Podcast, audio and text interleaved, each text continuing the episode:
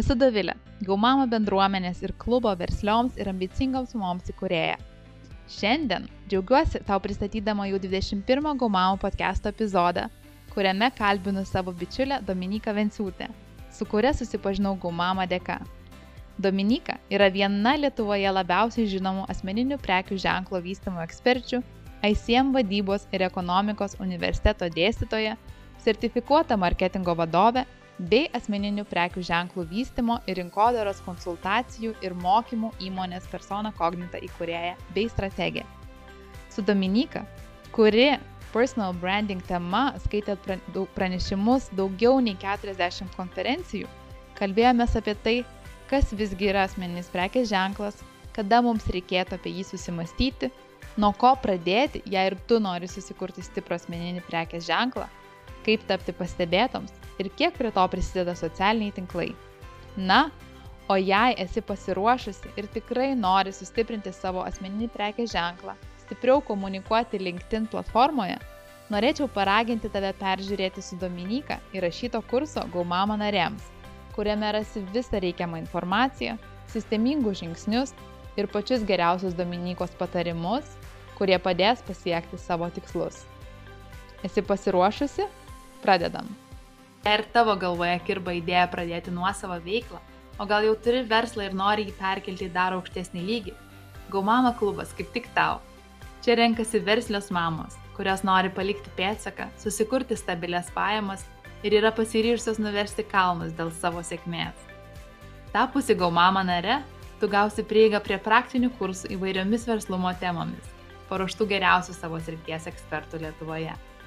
Nuo temų kaip stiprinti savo asmeninį prekės ženklą, parduoti Instagrame, įforminti savo verslą, iki kaip susikurti brando strategiją, pradėti freelance karjerą, susitvarkyti finansus, vystyti elektroninę prekybą ir daug daugiau.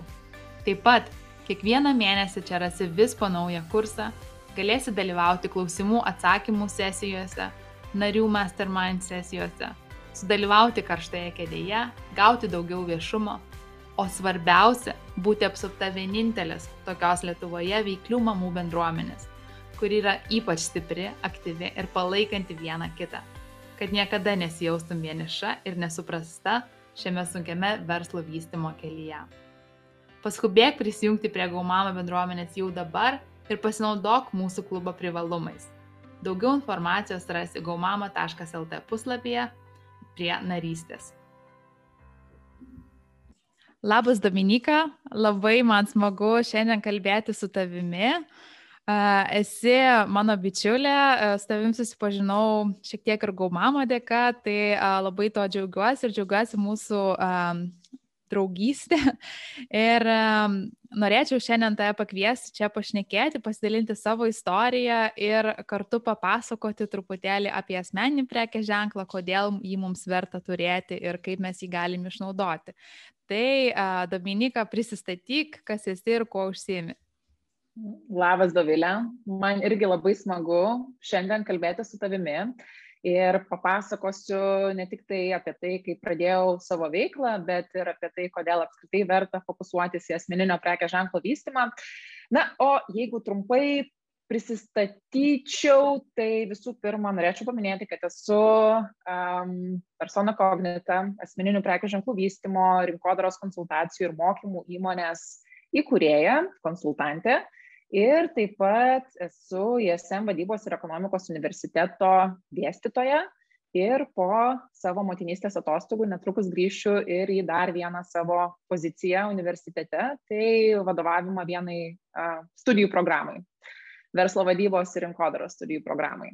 Tai turbūt būtų toks trumpas prisistatymas e, iš profesinės pusės, o šiaip esu žmogus, kuris labai mėgsta multitaskinti. Labai didžiuojuosi, kai sugebu kažką tai multitaskinti, apie tai galbūt dar galėsime pašnekėti šiek tiek vėliau. Um, ir galbūt iš dalies laikau save avantūristę, žmogumi, kuris mėgsta keliauti ir stengiasi nuolat mokytis. Tikrai taip, tavęs Dominika visur pilna. Manau, nei, viena didel, nei vienas didelis projektas neapseina be Dominikos vardo, tai labai smagu matyti ir kad tu vis turi tiek daug energijos. Tai bet gal gali truputėlį papasakoti, kaip tavo gyvenime atsirado asmenis prekės ženklas, kaip atsirado persona kognita veikla? Mhm. Tai galbūt reikėtų pradėti nuo šiek tiek toliau ir uh, turbūt turėčiau paminėti, kad uh, nors sąmoningai sugalvojau personos kognitos veiklą turbūt prieš berots dabar jau bus kokius trejus metus, dviejus su pusę metų, bet iš tikrųjų tai tos užuomasgos gimė gerokai anksčiau. Um, studijavau Olandijoje, magistro studijas dariau Olandijoje e, ir buvo toks vienas momentas, kuris man šiandien labai susiveda su tuo visų kontekstu, kuris man iš tikrųjų parodė asmeninio prekės ženklo svarbą, tik aš tuo metu to dar nesupratau, nes apskritai tas personal branding tuo metu man na, nebuvo pažįstama savoka. Bet 2012 e, metais, baiginėdama savo magistro studijas, aš planavau pasilikti Olandijoje, planavau įsidarbinti, tiksliau jau turėjau darbo pasiūlymą vienoje didelėje įmonėje ir atrodė, kad toks bus mano profesinis gyvenimas, sieksiu karjeros užsienyje ir panašiai. Ir netikėtai prieš pat pabaigiant magistro studijas aš gavau žinutę per LinkedIn Ir ta žinutė buvo nuo vieno profesoriaus, e, kuris dirbo ISM vadybos ir ekonomikos universitete ir aš jo iš tikrųjų asmeniškai nepažinojau. Ir iš esmės ta žinutė buvo apie tai, kad man siūlė pabandyti stoti į doktorantūrą. Ir buvo visiškai netikėta ir e, aš dabar galvoju, kad tai buvo dėl to, kad tiesiog turėjau tuo metu, ar ne, tai čia beveik prieš dešimt metų, kai LinkedInas dar nebuvo Lietuvoje iš viso populiarus, aš turėjau tvarkingą profilį. Ten apie jokį turinio kūrimą dar nebuvo jokios kalbos, LinkedInas tos funkcijos darots dar iš vis neturėjo, bet tiesiog turėjau tvarkingai supildytą informaciją, turėjau tam tikrus raktinius žodžius, kurie greičiausiai e, padarė tam tikrą įspūdį žmogui ir vėliau aš supratau, kad jie ieškojo žmogaus ir su šiek tiek tarptautinės patirties. Tai man dabar, kai aš galvoju, tai buvo vienas iš tokių pirmųjų įrodymų, kokia yra svarbi visa asmeninio prekės ženklo ekosistema, jeigu taip galima pavadinti. Na, o vėliau jau aš grįžau, aišku, Lietuvą po ilgų debatų su savimi savo doktorantūros studijas 2018 metais jau pradėjau sąmoningai galvoti apie asmeninio prekės ženklo vystimo konsultacijų įmonę, tačiau dar iki tol, nuo 2016 metų, aš pradėjau tą temą tiesiog domėtis. Kadangi mano disertacija buvo susijusi su tyrimų apie rinkodaros socialinėse medijose įtaką naujų įmonių veiklos rezultatams, aš tiesiog vienu metu pradėjau galvoti, na, kodėl aš neįtraukiu tos asmeninės komunikacijos. Ir aš, aišku, jos įtraukti nespėjau, bet tai planuoju padaryti ateityje, bet uh, tiesiog labai tą temą susidomėjau. Ir 2018 metais, jau prieš pat baigimą, pagalvojau, kad verta galbūt pagaliau pradėti daryti kažką tai savo. Tai uh, palikau uh, šiek tiek vėliau, bet palikau poziciją, dirbau anksčiau ISM universiteto marketingo vadovė, tai nusprendžiau šitos savo veiklos dalies atsisakyti tam, kad galėčiau vystyti personą kognitą. Ir dar turbūt vienas tas dalykas buvo, kuris paskatino pradėti savo veiklą, tai faktas, kad tuo metu, prieš dviejus su pusę metų maždaug, Lietuvoje asmeninio prekės ženklo konsultantų galima sakyti, nebuvo. Na, buvo keletas žmonių, kurie jau apie tai pradėję buvo šiek tiek komunikuoti, bet taip, kad save pozicionuotų būtent šitos ryties profesionalais, e, jų buvo tikrai labai mažai, arba jie dar buvo netokie žinomi. Tai e, viena buvo priežastis pradėti, e, tiesiog tas naujumo efektas, ir kita priežastis buvo vėlgi tas supratimas, kad na, man aplinkiniai daug metų sakė tai netiesiogiai ir prašė tam tikrų patarimų susijusių su asmeniniu įvaizdžiu, ypač socialiniuose tinkluose, su komunikacija, tik aš to niekada nenuskaitydavau kaip tam tikro savo talento. O tada viskas 2018-aisiais susidėliojo tokį gražų paveikslą ir pradėjau daugiau apie tai galvoti, pradėjau galvoti, kad tikrai iš to gali gimti mano profesinė veikla. Ir taip 2019 m. kovo mėnesį viešai parašiau pirmąją žinutę socialiniuose tinkluose apie tai, kad pradedu persona kognito veiklą. Tai tokia būtų sutrumpinta istorija, gal šiek tiek išsiplėčiau per daug, bet norėjau papasakoti šiek tiek daugiau detalių. Labai ačiū, kad papasakai. Ir iš tikrųjų, nes um, dažnai mes pačios gal net nepastebim tų visų ženklų, kuriuos mums kiti sako ar sako pasaulis, tai Ir tikrai, kai papasakai tą istoriją, kad su tavimi susisiekė profesorius LinkedIn pagalba, tai vėlgi man iš karto toksai čing, e, čia tikrai ženklas, nes LinkedIn yra viena tokių iš pagrindinių platformų, kiek aš žinau, ties kurio tu dirbi ir fokusuojas. Um, tai, tai čia tikrai buvo ženklas kažkoks iš, iš aukščiau. Ir, um, ir visa kita tikrai mums kartais reikėtų labiau gal įsiklausyti, kartais paimti tą žengti žingsnelį atgal, tą tokį step back ir tiesiog kartais pagalvoti, pasižiūrėti iš tolo viską ramiai ir mums tai aplinka tikrai kartais gali daug ką pasakyti. Na, o kalbant apie, apie tavo tą nuostą veiklą, persona kognitą, konsultacijų veiklą, tai ar ilgai tau teko laukti pirmų vaisių? Tai, na, paminėjai, kad parašiai savo pirmą a, žinutę um, LinkedIn, man atrodo, profilyje ir nuo to laiko, ar, ar ilgai teko laukti? Aš galbūt uh, sakyčiau, kad dar iki tos viešos pirmosios žinutės tiesiog savo artimų, pažįstamų draugų rate ieškojau tų žmonių, kuriems galėčiau padėti nemokamai, galėčiau paprastai kalbant pasitreniruoti su jais. Uh, pasižiūrėti, kaip vertina, kaip, kokie klausimai kyla. Tai aš sakyčiau, kad tie tokie nemokus klientai, jie buvo dar iki tol. Ir iš tikrųjų parašius tas pirmasias žinutės, tą pirmąją žinutę tikrai atsirado ta paklausa, aš dabar taip iš karto nepasakysiu, bet tikrai buvo keletas žmonių jau po pirmųjų žinučių, kurie susidomėjo, kurie užsikabino ir dar labai užsikabino konferencijų rengėjai, renginių organizatoriai. Tai tikrai prasidėjo toks maratonas ir aš kažkada bandžiau skaičiuoti, bet tą skaičių pamečiau turbūt po kokių 40, kiek iš viso buvo tų viešų išstojimų, bet jie tikrai padarė, sakyčiau, didelę įtaką tam, kad kai žmonės galvoja apie personal brandingą, apie asmeninio prekės ženklo vystymą, tam, kad aš būčiau top of mind. Tai dalis iš jų tikrai buvo pro bono, Ir aišku, kartais atrodė, kad na, tas laikas, šiek tiek gaila to laiko, bet manau, kad tiesiog pradžioje veiklos tai yra kelias į matomumą ir mes to neišvengsime. Mhm. Ir iš tikrųjų tau, tau irgi pritariu, nes um, ir su vyru šnekantis, jis irgi yra paminėjęs ne kartą, kad kažkam, jeigu pasako personal branding, tai e, jam daug kas iš Lietuvos e, rinkos iškart sako, ai, bet yra tokia Dominika, kurie apie tai kalba. Tai net ir nežinodami, kad mes, tarkim, esam pažįstamos, tai tikrai e, tu turi vardą e, šioje srityje Lietuvoje ir tikrai, manau, gali didžiuotis tuo.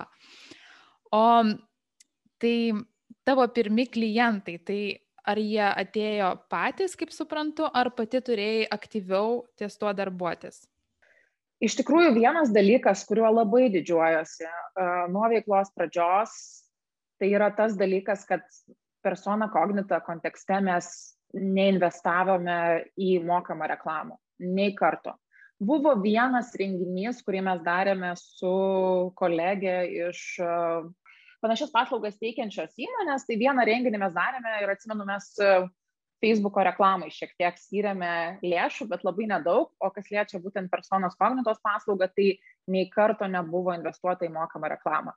Viskas atėjo dėka turinio, kuris aš tikiuosi auditorijai buvo vertingas dėka tai tikrai jokių tiesioginių pardavimų nedarėme, viskas ateina, aš sakyčiau, 85 procentai, na gal 80 procentų ateina iš LinkedIn, kita likusi dalis ateina pagal rekomendacijas dažniausiai. Tai man tai irgi turbūt yra toks įrodymas ir aš pati labai džiaugiuosi, kad tas mano pačios personal brandas, tas asmeninis prekės ženklas, jisai veikia. Ir aš tikrai nesakau, kad mes niekada neinvestuosim į reklamą, aš manau, kad tikrai turbūt darysime tą, ypač galvojame apie keletą tokių naujų produktų, tai manau, kad mes to neišvengsime, bet tiesiog šiandien dienai aš vis dar tikrai galiu pasidžiuodama pasakyti, kad viskas atėjo dėl um, kūriamo turinio, dėl matomumo ir pati save dažnai pateikiau kaip pavyzdį. Tai šokime tiesiai prie to asmeninio prekės ženklo ir Dominika, ką mes turėtumėm suprasti apie asmeninį prekės ženklą? Tai iš tikrųjų gal pradėčiau nuo tokių keletos dalykų, um, apie kuriuos žmonės galvoja, kai galvoja apie asmeninį prekės ženklą, bet jie nebūtinai yra teisingi. Ir uh, tam tikri dalykai juos stabdo nuo asmeninio prekės ženklo vystimo. Tai vienas iš jų yra toks, uh, dalis žmonių galbūt uh, rečiau būnančių socialiniuose tinkluose, bet kaip ir suprantančių jų svarbą, tarytum sako, kad na, čia kažkas tai naujo, asmeninio prekės ženklo vystimas, aš tiesiog, na, dar tai netėjo man laikas, kad aš to užsimčiau, tai iš tikrųjų, kai pagalvotume apie asmeninį prekės ženklą, tai absoliučiai nieko naujo nėra. Yra tik tai pats tas konceptas, kuris, na, sakyk, santykinai pradėta šviežiai naudoti. Daugiau šiek tiek negu 20 metų jisai naudojamas yra šitoje srityje, bet šiaip, jeigu grįžtume šimtus metų atgal, E, tai matytume daug pavyzdžių, kai įmonių įkūrėjai savo brandus, e, savo organizacijas pavadindavo savo vardu arba pavardę arba jų junginiu. Ir tai darydavo todėl dažniausiai, nes jau turėdavo užsitarnautą reputaciją tarp savo auditorijos ir tiesiog nenorėdavo, kad ta auditorija na, galvotų, kad čia yra kažkoks tai kitas prekės ženklas. Tai vienas iš pavyzdžių, bet jeigu grįžtume dar į senesnius laikus, tai jau nuo senų laikų žmogus eidamas į turgų, į prekybvietę, eidavo pas na, tam tikrą žmogų, kuris žinodavo, kad parduos jam kokybiškus produktus. Tai um, asmeninį prekės ženklą mes turime visi, kad ir kaip tai teoriškai beskambėtų. Ir tas asmeninis prekės ženklas yra tiesiog kitų žmonių vidinis jausmas apie mus. Tai yra tai, ką žmonės galvoja, kai išgirsta mūsų vardą pavardę, pamato mus, pamato mūsų nuotrauką ar panašiai. Tai tos pagrindinės asociacijos. Ir norėdami, kad na, žmogus asocijuotų mus su tam tikrais dalykais, kad mus matytų kaip pirmą pasirinkimą, kai jam ko nors reikia, būtent iš tos srities, kurią mes galime pasiūlyti, tai mums atitinkamai visų pirma reikia tas asociacijas išsigryninti savo. Ir atitinkamai sudėti visus akcentus tiek socialiniuose tinkluose, tiek bendraujant su aplinkiniais, tiek komunikuojant, vėlgi tiek skaitmeninėje erdvėje, tiek gyvai. Ir tikėtina, kad tas rezultatas ateina. Tai čia yra tas vienas dalykas, ar ne, su asmeniniu prekės ženklu nėra absoliučiai nieko naujo. Kitas dalykas yra susijęs su tuo, kad dalis žmonių galvoja, na, turbūt čia toks dalykas, kuris reikalingas tik tai aukščiausio lygio vadovams, verslininkams, toks dalykas, kuris, na, turbūt yra neįperkamas arba nereikalingas kitiems, kurie yra tiesiog samdomi darbuotojai arba turi kažkokį tai mažesnį verslą ar panašiai. Tai iš esmės tikrai kiekvienas žmogus ir kiekviena organizacija sugebėdama motivuoti savo darbuotojus, komunikuoti iš asmeninių paskirų, E, ir vystyti savo asmeninius prekės ženklus, gali gauti tam tikrą naudą. Tai e, statistika rodo daug įdomių rezultatų ir vienas iš jų yra tai, kad e, iš esmės tas pasitikėjimas, kai komunikuojama iš asmeninės paskiros, yra tris kartus didesnis lyginant su um, turiniu, kuris yra komunikuojamas iš įmonės paskiros. Sakoma, kad jeigu vadovai yra aktyvūs socialiniuose tinkluose, tai vėlgi 80 procentų žmonių labiau pasitikės įmonę, Ir plus klaida, jeigu mes įsivaizduotume didelę organizaciją ir bent jau dalis jos darbuotojų taip pat komunikuoja apie kažkokį tai dalyką, kuris toje organizacijoje nutinka, išleidžiamas naujas produktas ar panašiai, tai tikrai kartu vis, sudėjus visų darbuotojų sklaidą, visų darbuotojų žinutės, mes gausime gerokai didesnį pasiekiamumą. Tai tokių statistinių faktų yra gerokai daugiau. Um, ir iš esmės tikrai kiekvienas žmogus, net jeigu jis save laiko ir tik tai organizacijos raikteliu, jisai gali prisidėti tiek prie organizacijos veiklos rezultatų, tiek prie savo pačio, e, net ir sakyčiau, pasitikėjimo savimi mm, ir, ir, ir savo ar ne karjeros e, kelio. Tiesiog labai dažnai žmonės pradėjo komunikuoti, pradėjo stiprinti savo asmeninį prekę ženklą, pradėjo išreikšti savo nuomonę arba dalintis tam tikromis išvalgomis, pamato, kad kitiems žmonėms tai yra įdomu Ir su tuo ateina pasitikėjimas, su tuo ateina tikėjimas, kad tai, ką aš darau, yra įdomu, kad tai, apie ką aš kalbu, yra įdomu. Tai man turbūt dažniausiai tai yra pati žaviausia dalis, kai, kai, kai žmonės, klientai tą akcentuoja. Tai vat, toks dar vienas dalykas, ar ne tikrai norėčiau dar kartą paminėti, kad tikrai nėra tik tai kažkam išskirtiniui asmeninio prekės ženklo vystimos skirtas. Na ir dar vienas dalykas, turbūt tokį, kurį norėčiau pakcentuoti, tai dalis žmonių sugretina asmeninio prekės ženklo vystimą su savireklama. Ir atsiranda tarytum tokia baime arba tarytum toks pasipriešinimas, kad aš nenoriu per daug ten kalbėti, nenoriu per daug reikštis, nes kitiems tai atrodys kaip reklama ir aš, kad aš čia save reklamuoju ir aš reklamuoju taip tiesiogiai, kažką noriu parduoti ir panašiai. Tai iš esmės šitoje vietoje aš visuomet sakau, kad svarbiausia savo komunikaciją, savo turiniu kurti vertę auditorijai. Ir visuomet atsiras skeptikų, visuomet atsiras žmonių, kurie garsiai ar negarsiai galvos, kad čia yra nesąmonė, kam čia to reikia, bet jeigu mes suprantam, kokią tai naudą gali atnešti mums arba mūsų atstovaujamai organizacijai, mūsų prekė ženklui, mūsų verslui, tai į tas nuomonės nereikėtų kreipti dėmesio. Tai mano toks yra požiūris į visą tai. Ir man labai patinka tavo pasisakymas, um, kurį irgi ir um, Gaumamo kursuose sakė ir čia kaip tik dar kartą pakartojai, tai kad asmeninį prekės ženklą turime visi, nes kartais dažnai norim sakyti, mm, tai gal man reikėtų pradėti kurti savo asmenį prekės ženklą. Bet turbūt čia klausimas būtų, ar tiesiog um, požiūris turėtų būti, kad mes turime pradėti stiprinti savo asmeninį prekės ženklą, o ne jį kurti. Taigi, Dominika, kada mes turėtume pradėti susimastyti apie savo asmeninio prekės ženklo stiprinimą? Tai iš tikrųjų tas um, tas susimąstymas dažniausiai kyla iš tam tikrų ar problemų, su kuriomis susidurėme, pavyzdžiui, naujo darbo paieškos arba naujos idėjos vystimas ir savo verslo kūrimas, kai mums reikia tarytum dar vieno papildomo kanalo, kad mes galėtume iškomunikuoti tą vertę apie savo naują idėją, apie savo verslą, apie savo prekę ženklą ir keliame savo tam tikrus tikslus, ką mes norėtume tuo pasiekti, kaip tai gali mums padėti. Ir dažniausiai, kai mes na, suprantam, koks yra tas mūsų tikslas, tai galime pradėti dėliotis tam tikrus žingsnius, kurie jau turėtų atnešti kažkokią tai naudą. Tai aš sakyčiau, kad tų situacijų, kada mes galime susimastyti, yra labai įvairių. Um, ir aš esu šventai įsitikinusi, kad na, daugumai žmonių tas vienokia ar kitokia nauda tikrai atneša. Nebent na, mes kartais sakom, kad na, mums nereikia kažkokio tai nei, nei matomumo, mes ir, ir tikrai yra tokių situacijų, kad tarkim žmonės yra užmesgę savo kontaktų visą ratą, turi dėl asmeninių uh, santykių palaikymo, ir galbūt jau rinkoje jų ten prekės ženklas ar jų organizacija yra žinomi daug metų ir, ir, ir galbūt na, tas kontaktas, kai jis jau yra toks ir dažniausiai ta informacija jau sklinda iš lūpų į lūpas, tarytum tokio papildomo kanalo nereikia.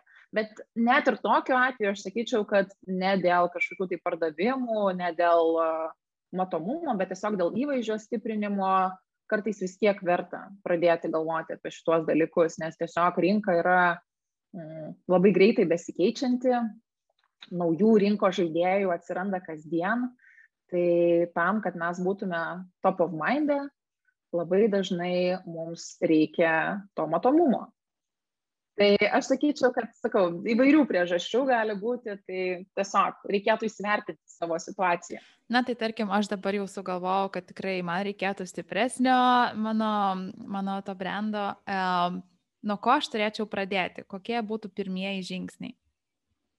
Tai jeigu Dovilė mes kalbėtume apie tave, aš manau, kad tu esi labai gerame kelyje. Um, ir tiesiog galbūt sakau, galbūt nesi pats geriausias keisas, nes pas tave tikrai to įdirbio daug yra, bet įsivaizduojant, kad ar ne, žmogus e, nori stiprinti savo asmeninį prekės ženklą, tai pirmasis žingsnis turėtų būti tikslas. Ir šalia to tikslo turėtų būti supratimas, kaip mes galėsime išmatuoti kad, mes, kad mūsų tos įdedamos pastangos į asmeninio prekės ženklo vystymą atsiperka.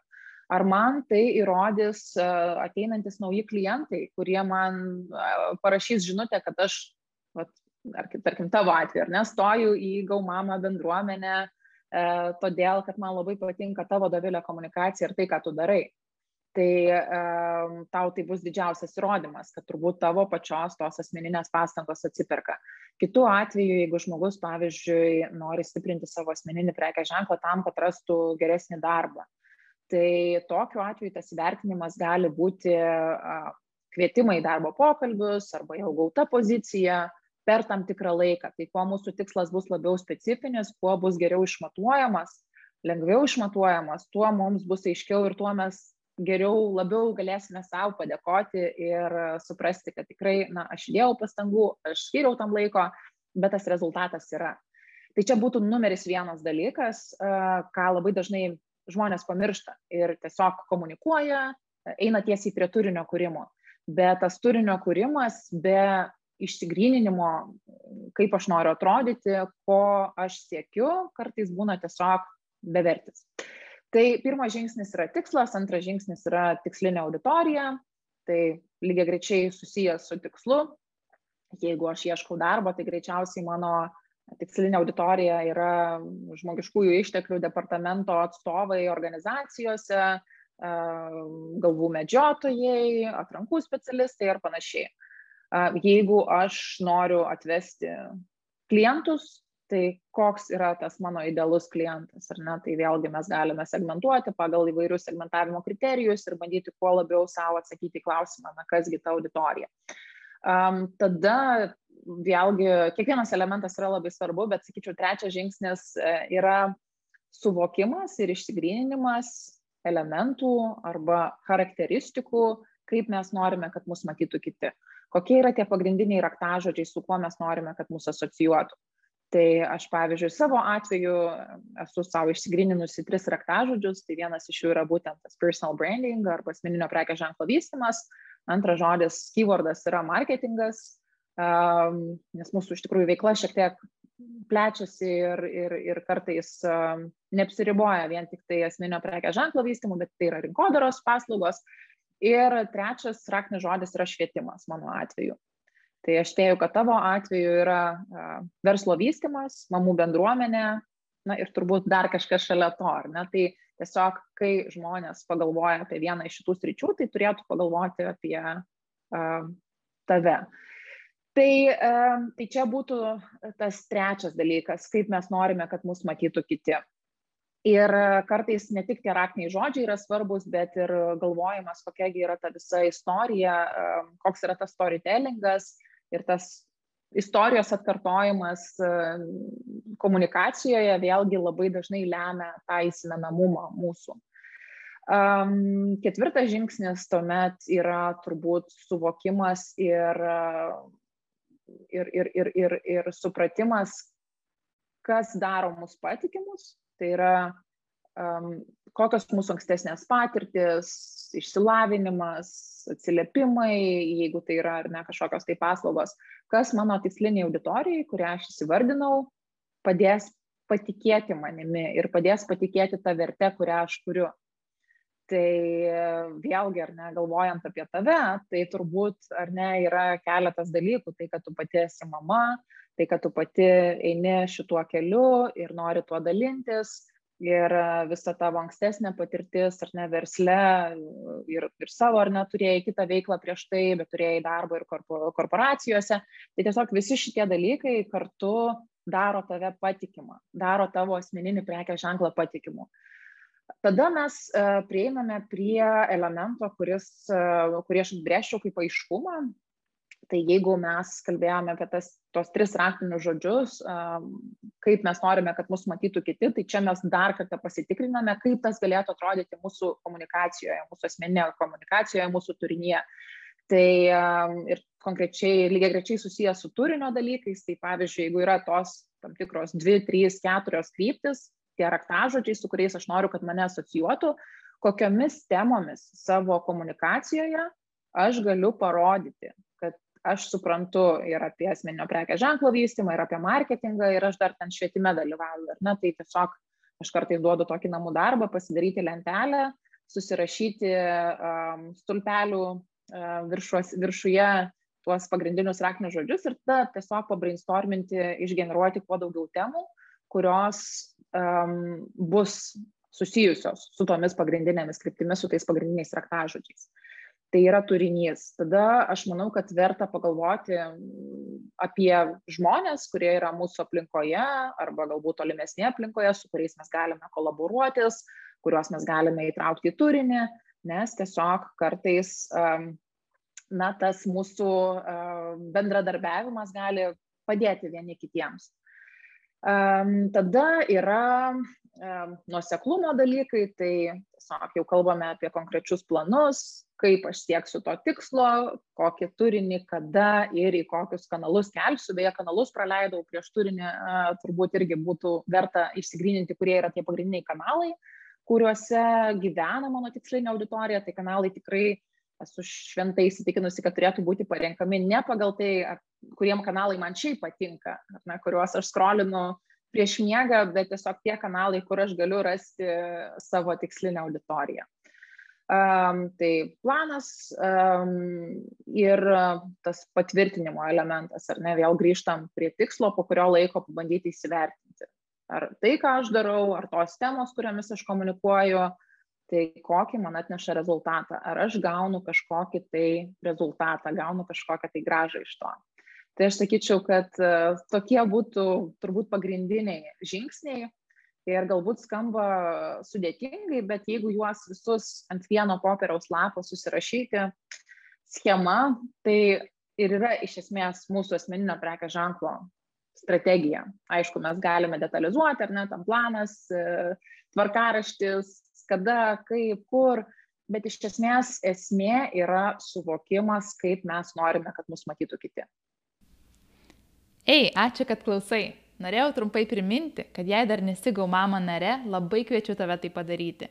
Čia tavęs laukia masterklasis įvairiomis verslumo temomis nuo A iki Z, naujas temos kiekvieną mėnesį, sesijos su ekspertais, narių susitikimai, tikslų išsikelimai ir planavimas – įkvepiantis pašnekesiai, narių nuolaidos ir daug daugiau. Taigi, grįžkime į pokalbį. O ačiū tau už, kad pasidalinai šitais žingsniais, tikrai labai įdomus ir, ir netgi man buvo įdomu išgirsti, kaip mano pavyzdį šiek tiek paėmiai. O šnekant apie kanalus, tai dažnai tikrai girdžiu žmonių, kurie sako, kad oi, nori būti visose socialiniuose tinkluose, nori būti matomi visur, bet tiesiog nėra laiko ir dažnas mūsų gal netgi perdega, nes nori būti, tarkim, ir Instagrame, ir LinkedIn, ir, ir dar, ir ten, ir ten, ir rašyti savo gal tinklaraštį. E, tai kokius tu dažniausiai duodi patarimus? E, savo klientams, žmonėms, su, kuri, su kuriuos konsultuoji, kaip pasirinkti tą tokį uh, tikslinį kanalą ir kaip tikslingai to siekti. Mhm. Dažnai klientai, dažnai žmonės ateina jau su tam tikrų įsivaizdavimų, kuriuose kanaluose jie turėtų būti. Tai mano atveju dažniausiai tai yra LinkedInas, tai yra platforma, su kuria aš dirbu labiausiai. Bet jeigu tai yra savo srities ekspertas, kuris teikia paslaugas ir dalyvauja tame paslaugų atlikime, tai čia kalbu apie coachingo specialistus, apie tam tikrų sričių konsultantus, aš visuomet skatinu pradėti uh, nuo savo tinklaraščio, net nebūtinai tinklaraščio, bet savo asmeninio puslapio. Man labai patinka viena frazė, neprisimenu, kas ją pasakė, bet uh, pati frazė skamba taip, kad social media is a place we rent, o mūsų asmeninis tinklapis tai yra the place we own. Na, techniškai tai mes, tai mums nepriklauso, nes priklauso ten Vix, WordPressui ar ten kokiai nors kitai platformai. Bet iš esmės tai yra, aš manau, ta platforma, kuri gali labai sustiprinti mūsų patikimumą. Tai tiesiog nesąmoningai mūsų auditorijai gali atrodyti rimtai, ar ne, tai tokį padaro gerą, palieka gerą įspūdį, dažniausiai, aišku, priklausomai nuo skirtingų uh, puslapių. Tai aišku, galima tikrai ir be to apsėti, ypač kad e, socialinius tinklus e, mes galime naudoti ir savo tinklaraščių rašyti, ar ne, tai dabar labai girdžiu, kad patį Instagramą vadina kaip mini blogų. Tai, tai iš, esmės, iš esmės, aš sakyčiau, labai dažnu atveju tas asmeninis puslapis gali mums padėti, bet jeigu nėra biudžeto tuo metu, tai galbūt galima ir, ir apsėti be to. Nors tas biudžetas vėlgi, ar ne, labai dažnai atsiriamia į mūsų laiką, nes neturint biudžeto, bet turint laiko, mes galime su nedidelė investicija patys pasidaryti tą asmeninį tinklapį. Tai, o kalbant apie kanalus, tai vėlgi aš labai dažniausiai grįžtu prie tos auditorijos, prie to fakto ir įsivaizdavimo suvokimo, kur gyvena mūsų tikslinė auditorija arba didžiausia jos dalis, nes labai dažnai būna, kad ta auditorija, aišku, yra ir viename kanale, ir kitame kanale, bet tiesiog įsivertinimas, um, kur yra didžiausia jos dalis ir galvojimas apie tai, ką mes galime pasiūlyti. Tai yra kur žmogus dažniausiai sektų tokią informaciją arba ieškotų tokios informacijos apie tuos dalykus, apie tas paslaugas, kurias mes siūlome. Tai aš galvoju dabar apie, pavyzdžiui, tavo atvejį, ar ne, tai yra bendruomenė mamoms ir tikrai ir linktinė, ar ne, na, daug yra tavo auditorijos turbūt. Bet aš manau, kad tu labai teisingai esi pasirinkusi kanalą, socialinį tinklą ar ne Instagramą kaip prioritetinį Tai nes turbūt tai yra kanalas, kur žmonės tokią informaciją labiausiai skaitys, labiausiai tenais jos ieškos ir panašiai. Tai galvojam apie auditoriją, galvojam ne tik tai, kur yra didelė jos dalis, bet ir apie tai, kur jinai būtų linkusi tokios informacijos ieškoti arba tokią informaciją vartoti. Um, tai čia turbūt būtų toks pagrindinis dalykas. Bet kas liečia kanalus, tai nors mes dažniausiai apsiribojam socialiniais tinklais ir galvojam iš karto kanalai, tai lygus socialiniai tinklai, tai aš šitoje vietoje kviečiau galvoti šiek tiek plačiau, galvoti apie kito, kitas platformas, uh, kurios taip pat gali pastiprinti mūsų asmeninį prekę ženklą. Pavyzdžiui, mentorystės platformos. Na, mes, būdamos mentorės tam tikrose platformose, vėlgi galime stiprinti savo pozicionavimą, stiprinti savo įvaizdį kaip tam tikros ryties ekspertės, patardamos kitiems. Ir koks yra pliusas labai dažnai iš tų mentorystės platformų, kad jos turi ir savo viešinimo kanalus. Tai mums vėlgi gali būti naudinga, nes jau mentorystės ar ne platforma savo kanalais galbūt kažkokį tai informacinį dalyką apie mus paviešins. Tai mentorystės platformos, Clubhouse'as, tas pats Curio lietuviška platforma, kur galima turėti savo profilius ir nusakyti paslaugas, kurias mes teikiame, papasakoti apie temas, aprašyti temas, kuriuose mes nusimanome ir panašiai. Tai vėlgi papildomi kanalai, kurie gali mūsų asmeninį prekę ženklą stiprinti. Tai kviečiau galvoti plačiau, bet aišku, didžiausias privalumas socialinių tinklų, tokių kaip ar ne LinkedInas, Facebookas, Instagramas, yra sklaida. Tai tiesiog didesnė sklaida, daugiau žmonių mus tenais pamatys. Bet tiesiog kartais neapsiriboti reikia.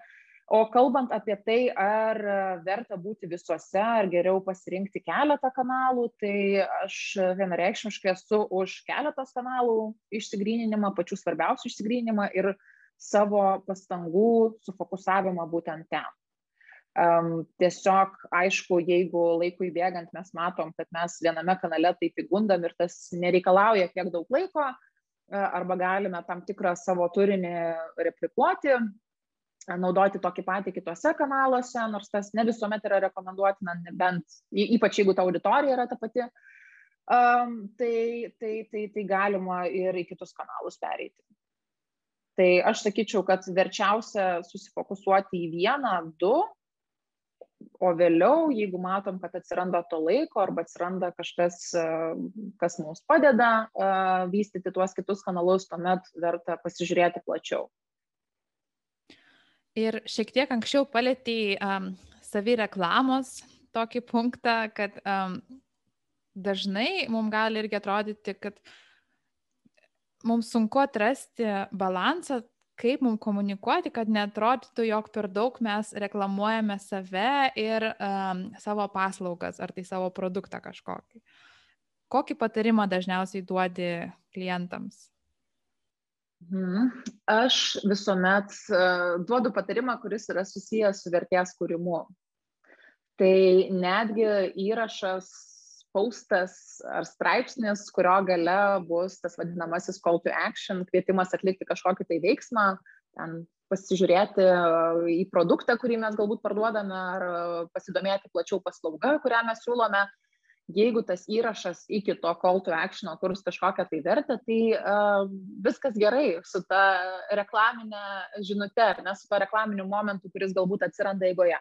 Bet kalbant apie vertę, tai tiesiog reikėtų galvoti, uh, ar aš auditoriją informuosiu apie kažkokius tai vertingus dalykus, ar aš ją edukuosiu, ar aš sukursiu kažkokį tai bendrumo jausmą, um, ar aš kursiu kažkokią tai emociją, ar aš ją įkvėpsiu, ar aš ją motivuosiu tai um, tiesiog visų pirma galvoti apie vertę. Aš tai vadinu vertės filtru. Prieš keliant bet kokį įrašą, prieš keliant bet kokį turinį, įsivertinti, ar tai sukurs vertę mano auditorijai. O kalbant apie tą reklaminį momentą ir kvietimą atlikti kažkokį tai veiksmą, tai aš sakyčiau, kad tiesiog tikrai turbūt ne kiekviename įraše, ne kiekviename turinio vienete tas turėtų būti, reikėtų išlaikyti tam tikrą balansą, Tai aš sakyčiau, kad jeigu mes kuriame, nežinau, per savaitę keturis turinio vienetus tam tikrose platformose, socialiniuose tinkluose, tai vienas iš jų tikrai galėtų būti sufokusuotas į kažkokią tai reklaminę žinutę, labiau reklaminę žinutę. Bet vėlgi, mano turbūt patarimas yra um, tą reklamą, um, kvietimą atlikti kažkokį tai veiksmą, uh, iškomunikuoti truputėlį kitaip, perleisti per save, pasitelkti storytellingą nes kartais ar ne, kai panaudojame tokius šiek tiek originalesnius būdus, tai labai dažnai tai net nebeatrodo kaip reklama, tai atrodo kaip, kaip, kaip istorija ir gale tiesiog, jeigu mes trumpai paminime, užsimename, bet nesistengiame to parduoti. Tai aš sakyčiau, kad tai yra tikrai nekenksminga ir auditorijai tas neturėtų įkyrėti. Tai ta tikroji reklama, ta mokama reklama, kai mes matom sponsored, kai mes matom ar ne tuos pabūstintus paustus, tai, tai man va čia yra ta tikroji reklama. O įrašai dažniausiai įrašuose ar neturinyje viskas priklauso nuo to, kaip mes pateiksime tą informaciją. Tai tiesiog šitoje vietoje kvieščiau ieškoti to originalumo ir skirtingų metodų tą informacijai pateikti. Ir dar norėjau paklausti, jeigu um, šiek tiek apie dalyvavimus įvairiose konferencijose ar renginiuose, jeigu, tarkim, mano ar, ar, ar klausytojo yra tikslas toksai, kad kalbėti konferencijose ir taip išeiti į viešumą, gal turi patarimų, kaip mums tai pasiekti? Mm. Tai mano atveju um, tie kvietimai kalbėti konferencijose ir renginiuose atsirado dėl turinio, kurį aš pradėjau kurti, būtent e, susijusio turinio su asmeninio prekės ženklo vystimu. Tai um, konferencijų rengėjai ir organizacijos, kurios organizuoja tam tikrus vidinius renginius, tai būtent dėl to ir pastebėjo mane. Jeigu aš dabar pradėčiau tą daryti, tai greičiausiai tokio efekto nebūtų, nes ta tema jau per keletą metų pakankamai įsisuko, atsirado daugiau žmonių, kurie konsultuoja, kurie apie tai rašo ir panašiai bet suveikia tas naujumo efektas prieš keletą metų ir padėjo būti top of mind. E. Tai aš vienas iš tokių patarimų, kaip organiškai pakliūti į akiratį, ten nerašant žinučių visiems konferencijų rengėjams šalies, tai yra sugalvoti tam tikrą nišinę temą arba sugalvoti tam tikrą kryptį, kuri dar nėra tokia populiari, ypač mūsų kontekste, jeigu kontekstas yra Lietuva. Uh, ir tiesiog kažkokį tai kitokį kampą, įdomesnį kampą ir nusekliai apie tai komunikuoti. Ir aišku, kartais mes turėsime galbūt parašyti tam tikriams rengėjams, pasisiūlyti arba savo kontaktų rate paieškoti žmonių, kurie gali mums padėti kažkur tai patekti ir, ir, ir, ir pasisiūlyti konferencijų rengėjams, bet iš tikrųjų aš manau, kad labai dažnai gali padėti tiesiog susifokusavimas į tam tikrą temą, kuri dar nėra tokia matoma ir dar netiek daug žmonių apie ją kalba mūsų kontekste, mūsų šalyje. Tai tiesiog kartais verta pasižiūrėti, kas vyksta užsienyje, kartais verta pagalvoti, pasižiūrėti į futuristinius trendus, ir galvoti, arba dar kitas variantas yra pagalvoti apie dalykus, kuriuos galima apjungti. Tai yra kartais, tarp, tarkim, bandyti apjungti, neapjung, atrodo, kad neapjungiamus dalykus. Um, tai, tai, tai tiesiog, ar ne, mano viena iš kolegių dabar pradeda pakankamai aktyviai komunikuoti apie temą, kuri yra jai labai įdomi ir jinai savo komunikacijoje apjungia asmeninio prekės ženklo vystimą su emociniu intelektu. Ir iš pirmo žvilgsnio, ar ne, atrodytų, kad tai turbūt yra labai skirtingos rytis, bet iš tikrųjų juose yra labai daug bendro. Tai tiesiog galvoti originalias idėjas ir galvoti tam tikras kryptis, kurios leis išsiskirti.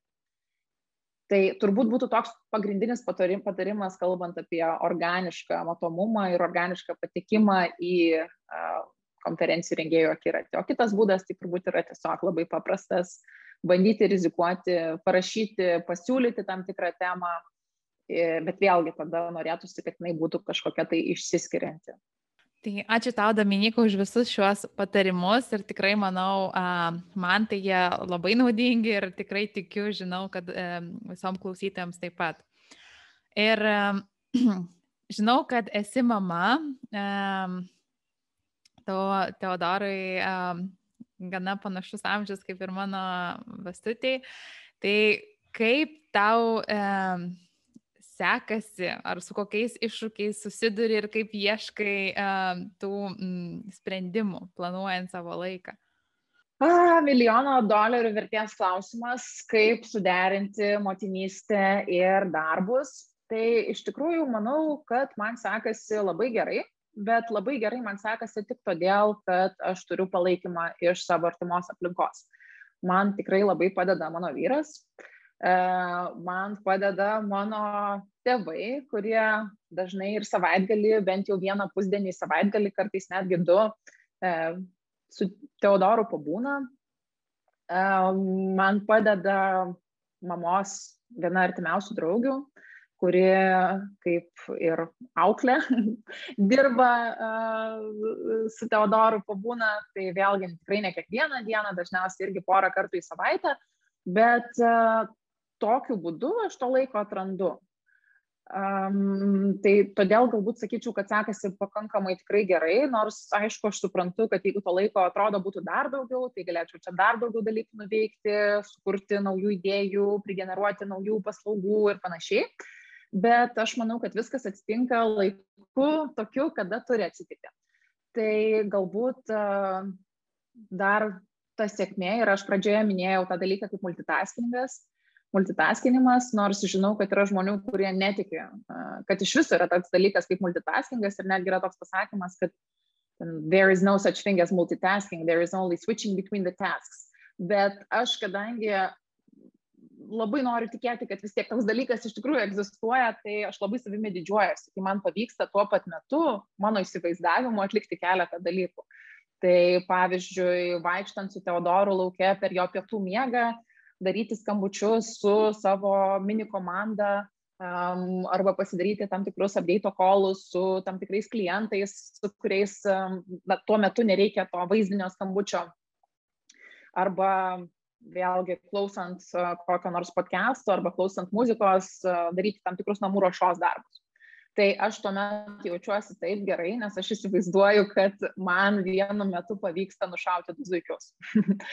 tai, tai, tai turbūt vienas iš tokių dalykų, kuris aš tikiu man irgi padeda susitvarkyti su visų krūviu.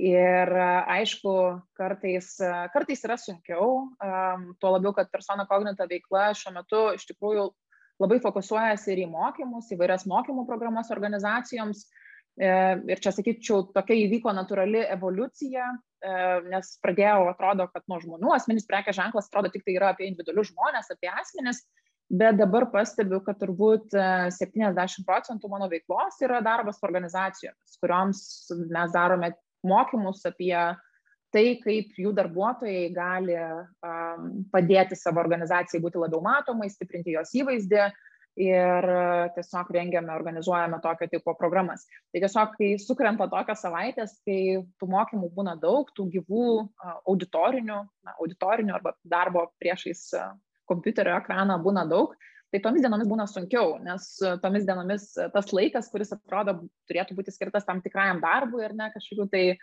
dalykų generavimui, strategijų rengimui, jisai uh, paskęsta būtent uh, tose auditorinėse valandose. Bet Nepaisant to, aš vis tiek manau, kad sekasi pakankamai gerai. Ir kažkaip galbūt vienu metu atrodė, na, tikrai, kad tai yra labai sunku, ne, to labiau, kad tikrai tų tikslų yra ir norų yra, didelių ambicijų, bet, bet po to kažkaip su tuo susitaikai, susidarai tam tikrą rutiną ir, ir yra lengviau. Ir turbūt dar tas palengvėjimas atėjo prieš keletą mėnesių, kai mūsų sunus Teodoras pradėjo išmiegoti visą naktį. Tai čia sakyčiau, kad buvo tas didžiausias, nežinau, įvertinimas iš kažkur aukščiau ir, ir, ir, ir tikrai, ir tikrai didelis dalykas, kuris leidžia mums galvoti, kad mums tikrai labai pasisekė. tai turbūt tokie būtų pagrindiniai dalykai. Ir tikrai pagalba, ir aš pati kartoju, yra numeris vienas. Ir net jeigu mums kartais ir atrodo, kad mes neturim tos pagalbos, tai uh, kartais reikia nepamiršti prašyti jos. Net man ir vyras dažnai primena, sako, tu negalvo, kad aš visą laiką viską pamatysiu ar pats, ar pajausiu, tu um, turi daugiau paprašyti. Ir tai čia yra visur, ir ypač auginant vaiką, prašyti, nes jeigu neprašysim, nežinosim, gal tikrai ar ta močiutė galės ateiti, ar, ar, ar, ar sesė, ar, ar kažkoks šeimos, artimas giminės narys, draugas, kuris tikrai galės tau padėti. Tai ir čia galioja vis, visame. Tiesiog prašyti daugiau pagalbos ir, ir tikrai atsiras jos. Na, Dominika, ir pabaigai gal turi kažkokį patarimą, kurį duotum savo, jei galėtum atsukti um, laiką atgal? Aš iš tikrųjų dabar, kai paklausai mane šito klausimo, prisimenu vieną tavo Instagramo įrašą, kuris buvo apie klaidas ir akcentavai, kad klaidų nėra, yra tik tai pamokos. Tai aš iš tikrųjų su šita mintimi labai labai sutinku. Uh, Ir galbūt patarimas būtų toks savo, kad tiesiog nenuvertinti tų idėjų, kurios kyla, nes visokių minčių apie verslo kūrimą, um, jų kilo ir anksčiau. Tik tai galbūt savyje aš jas užgneuždavau, nes atrodė, kad turiu ir vieną veiklą, ir kitą veiklą, ir akademinius dalykus. Um, tai galbūt būtų vienas iš tokių dalykų, ko aš savo palinkėčiau, kad tiesiog būti atviresniai ir pamatyti tam tikrus dalykus, kurie atrodo iš pirmo žvilgsnio nematomi ir galbūt net neįmanomi. Tai turbūt būtų toks vienintelis dalykas. Um, o šiaip jau, um, jeigu uh, dabar turbūt nesautas patarimas, bet jaunesnė auditorija, jeigu jį mūsų klauso, tai kai aš studijavau, ten pirmieji kursai ar ten magistrantūros studijos, tokio mano pasąmonėje dalyko kaip personal branding arba asmeninio prekės ženklo vystimas nebuvo.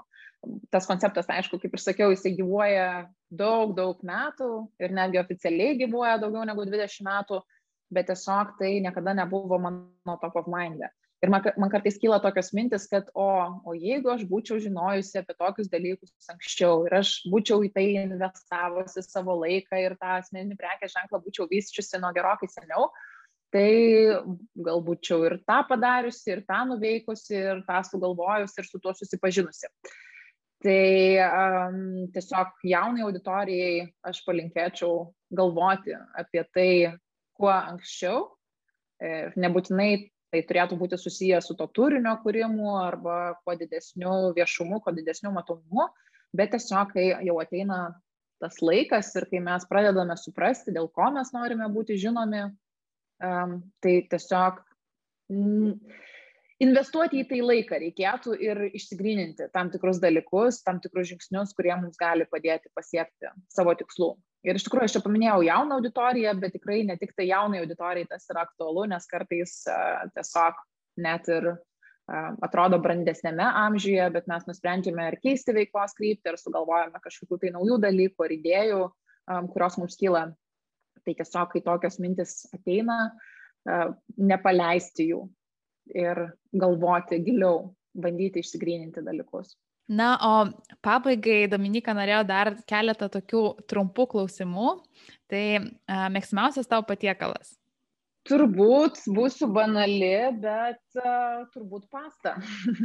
Mes su vyru iš tikrųjų esame labai dideliai Italijos fanai. Uh, mano vyras ten yra praleidęs keletą metų, studijavo, po to dirbo.